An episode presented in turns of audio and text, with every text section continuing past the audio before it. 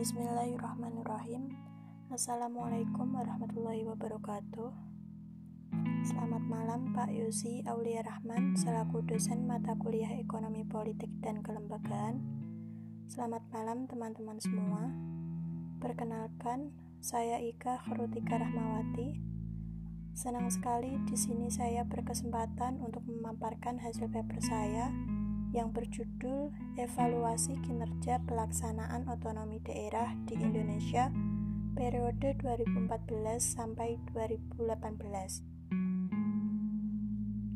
Tanpa berlama-lama, langsung saja perlu kita sadari bersama bahwa otonomi daerah telah membawa perubahan positif dalam hal kewenangan daerah untuk mengatur dan mengurus rumah tangga daerah sendiri Kewenangan ini menjadi sebuah impian karena sistem pemerintah yang sentralistik cenderung menempatkan daerah sebagai pelaku pembangunan yang tidak begitu penting atau terpinggirkan.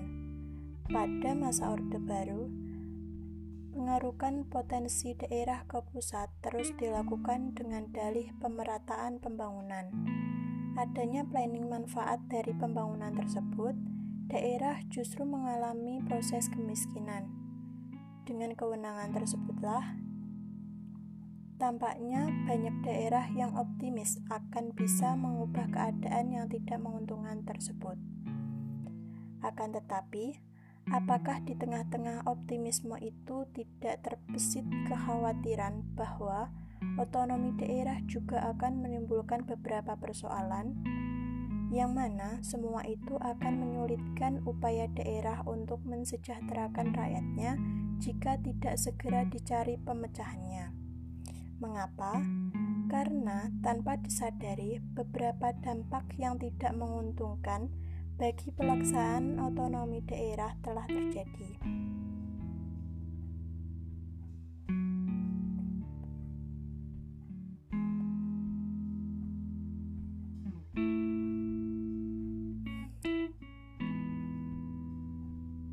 Setelah sekian lama, otonomi berlangsung yang antara lain ditandai dengan adanya diselenggarakannya berbagai urusan kepada daerah dan pemilihan daerah. Secara langsung ada beberapa permasalahan yang muncul yaitu semakin maraknya penyebaran korupsi di berbagai daerah money politics munculnya fenomena pragmatis politik di daerah masyarakat, legitimasi politik, dan stabilitas politik belum sepenuhnya tercapai. Kemudian adanya konflik horizontal dan konflik vertikal dan kesejahteraan masyarakat di tingkat lokal belum sepenuhnya diwujudkan. Untuk itu, maka, saya di sini akan melakukan sedikit evaluasi terhadap kinerja pelaksanaan otonomi daerah di Indonesia pada implementasi tahun 2014 sampai 2018. Otonomi daerah telah diatur dan ditetapkan dalam Undang-Undang Republik Indonesia Salah satunya yaitu Undang-Undang Nomor 22 Tahun 1999 tentang otonomi daerah. Kemudian untuk Undang-Undang Nomor 32 Tahun 2004 Pasal 21 dalam menyelenggarakan otonomi, daerah memiliki hak sebagai berikut. Pertama, mengatur dan mengurus sendiri usaha pemerintahannya. Kedua, memilih pimpinan daerah. 3. Mengelola aparatur daerah. 4. Mengelola kekayaan daerah dan lain sebagainya. Dan untuk pasal 22 terdapat kewajiban yang dimiliki daerah, antara lain yang pertama yaitu melindungi masyarakat, menjaga persatuan, kesatuan, dan kerukunan nasional serta keutuhan NKRI. Yang kedua, meningkatkan kualitas kehidupan masyarakat. Yang ketiga, mengembangkan kehidupan demokrasi. Yang keempat, mewujudkan keadilan dan pemerataan dan lain sebagainya. Otonomi daerah memiliki dasar nilai antara lain yang pertama kebebasan. Kebebasan di ini di sini diartikan sebagai kebebasan masyarakat dan pemerintah daerah dalam mengambil tindakan dan kebijakan untuk memecahkan sebuah permasalahan secara bersama. Yang kedua, partisipasi. Masyarakat memiliki peran aktif dalam berbagai kegiatan, meliputi proses perencanaan, pelaksanaan, dan pengawasan kebijakan publik di daerahnya. Yang ketiga yaitu efektivitas dan efisiensi. Dengan adanya nilai kebebasan dan partisipasi masyarakat, pemerintah diharapkan mampu berjalan lebih tepat sasaran atau efektif dan tidak menghamburkan anggaran sehingga tidak terjadi pemborosan atau efisien. Keberhasilan otonomi daerah sendiri tidak terlepas dari kemampuan bidang keuangan daerah otonomi diharapkan mampu membiayai kegiatan pemerintah daerahnya dengan tingkat ketergantungan pemerintahan pusat yang lebih kecil dan pendapatan asli daerah lebih besar. Karena pendapatan asli daerah di sini menjadi tolak ukur dalam pelaksanaan otonomi daerah demi mewujudkan tingkat kemandirian dalam menghadapi otonomi daerah. Untuk mengetahui kesiapan suatu daerah dalam menjalankan otonomi daerah, maka perlu dilakukan suatu analisis terhadap kinerja keuangan daerah. Indikator dalam pengukuran kinerja penyelenggaraan otonomi daerah antara lain yang pertama dalam derajat kesehatan masyarakat terbagi menjadi dua indikator. Yang pertama yaitu ekonomi. Contohnya, tingkat pendapatan rata-rata per kapita atau PDB per kapita. Yang, ke yang kedua yaitu indikator sosial. Contohnya, penurunan angka pengangguran terbuka dan pengukuran indeks kemiskinan manusia atau IKM. Parameter yang kedua yaitu dalam derajat pelayanan publik yang mana memiliki tiga indikator. Yang pertama, infrastruktur. Contohnya jaringan jalan, penurunan persentase penduduk tanpa akses terhadap sanitasi, rasio tempat ibadah per 10.000 penduduk. Indikator yang kedua yaitu kebutuhan dasar. Dalam bidang kesehatan, contohnya yaitu penurunan angka kematian bayi penurunan angka kematian ibu. Kemudian dalam bidang pendidikan sendiri contohnya yaitu rasio jumlah murid per jumlah sekolah, angka partisipasi sekolah.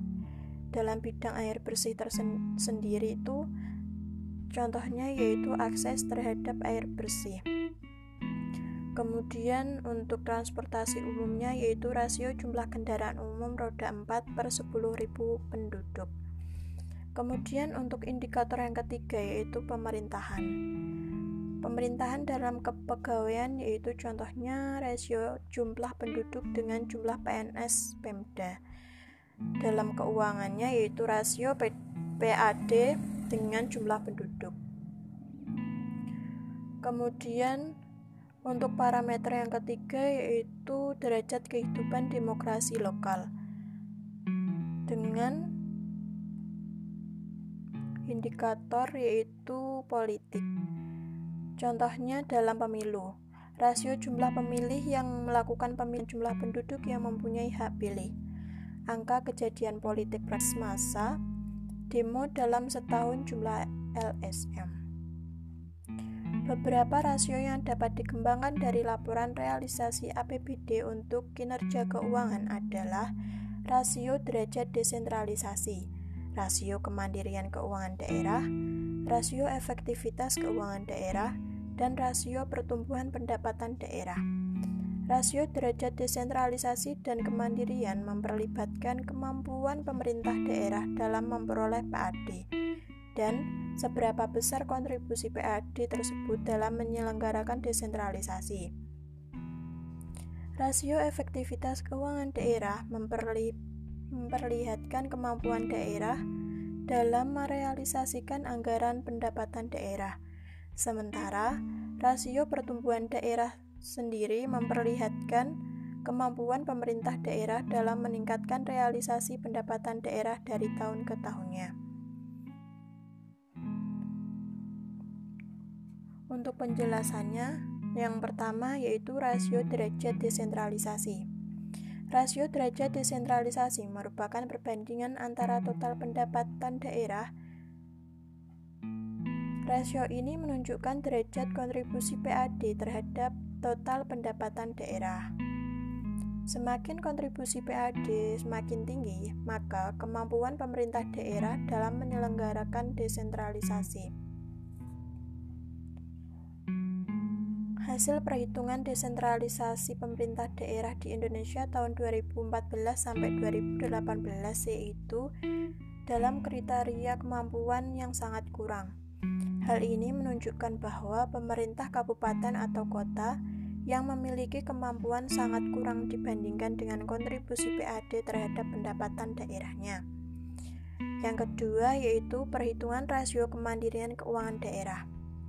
Rasio kemandirian keuangan daerah ini merupakan perbandingan total PAD dengan jumlah pendapatan transfer baik dari pusat maupun provinsi serta pinjaman daerah.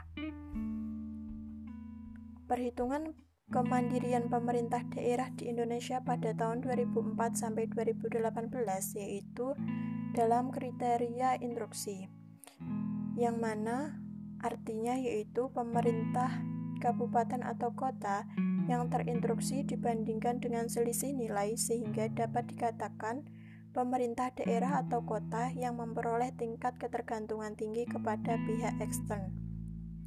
Yang ketiga yaitu rasio efektivitas keuangan daerah. Rasio efektivitas keuangan daerah menunjukkan kemampuan pemerintah daerah dalam merealisasikan pendapatan daerah sesuai dengan yang dianggarkan. Perhitungan efektivitas pemerintahan daerah di Indonesia tahun 2014 sampai 2018 adalah tidak efektif. Untuk hasil analisis dalam efektivitas keuangan daerah periode 2018 ini menunjukkan bahwa hal merealisasikan pendapatan daerah baik pemerintah kabupaten atau kota masuk ke dalam kategori tidak efektif karena rasio efektivitas jauh dari angka 60%. Kemudian rasio pertumbuhan pendapatan daerah. Rasio pertumbuhan pengukur besarnya kemampuan dari pemerintah daerah dalam meningkatkan dan memperhatikan keberhasilan yang telah diraih dari tahun ke tahun sebelumnya. Perhitungan ini menunjukkan hasil yang positif, yang artinya yaitu baik pemerintah kabupaten atau kota mengalami pertumbuhan yang positif untuk pendapatan daerahnya dari tahun ke sebelumnya. Dari kinerja keuangan tersebut, tanpa adanya beberapa pertimbangan yang rumit di balik pemberian otonomi kepada masyarakat di Indonesia. Berbagai pertimbangan yang kompleks telah membawa pelaksanaan otonomi daerah belum pernah berjalan tuntas. Jika dilihat dari penganggaran, dalam proses perundang-undangan tentang mekanisme anggaran yang sudah dibuat, rentan terjadi penyalah, penyalahgunaan anggaran Bahkan proses perumusannya masih didominasi kepentingan elit. Dalam prakteknya, penganggaran sangat berkaitan dengan politik, yaitu menentukan mana yang penting dan mana yang tidak penting. Anggaran merupakan aktivitas politik. Proses maupun produk kerja adalah produk politik yang berkaitan dengan siapa yang mendapat apa, siapa yang terlibat, dan permasalahan serta konflik apa yang muncul dalam penyusunan dalam penetapan anggaran. Perlu diingat bahwa situasi politik yang stabil dan kondusif merupakan prasyarat utama menuju pemulihan ekonomi secara menyeluruh dan berkelanjutan. Sekian pemaparan yang dapat saya sampaikan. Kurang lebihnya mohon maaf. Akhir kata, wassalamualaikum warahmatullahi wabarakatuh. Terima kasih.